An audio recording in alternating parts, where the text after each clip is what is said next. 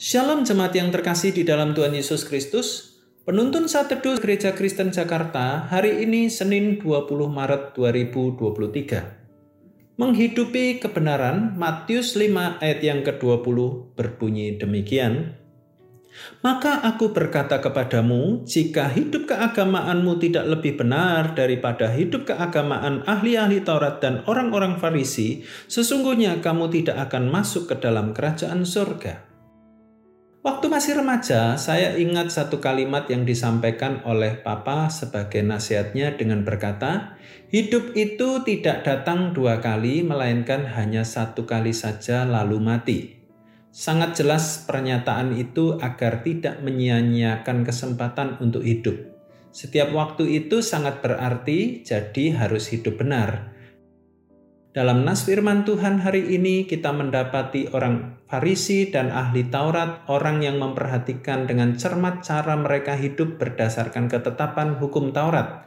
Mereka tidak hanya memperhatikan diri sendiri, tetapi terlebih orang lain. Bila ada orang yang melanggar ketentuan hukum Taurat, mereka akan dengan cepat menegurnya.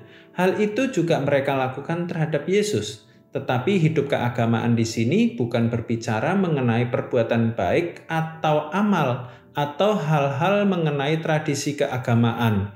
Istilah hidup keagamaan yang dimaksud menunjuk kepada kebenaran. Para ahli Taurat dan orang-orang Farisi secara lahiriah kelihatan benar.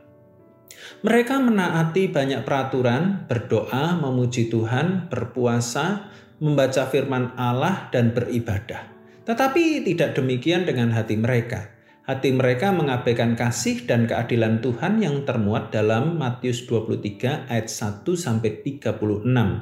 Mereka yang banyak mengajarkan kebenaran, tetapi justru mempraktikkan hidup jauh dari kebenaran yang sejati, atau dengan kata lain, mereka adalah orang-orang yang munafik. Orang-orang seperti ini tentu tidak akan masuk ke dalam kerajaan surga.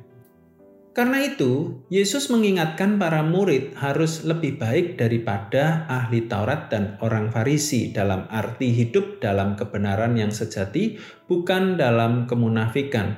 Kegiatan keagamaan akan menjadi sia-sia jika tidak ada kebenaran di dalamnya. Kegiatan hidup keagamaan penting, tetapi yang lebih penting adalah mempraktikkan kebenaran, mewujud nyatakan kasih dan keadilan Tuhan di tengah dunia yang bobrok ini.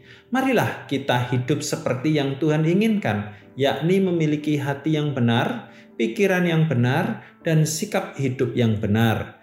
Kehidupan keagamaan kita harus lahir dari hati yang benar dan berkenan kepada Tuhan. Melakukan kebenaran harus dengan pengetahuan yang benar, dengan cara yang benar, dan iman yang benar kepada Kristus. Selamat beraktivitas, Tuhan Yesus memberkati.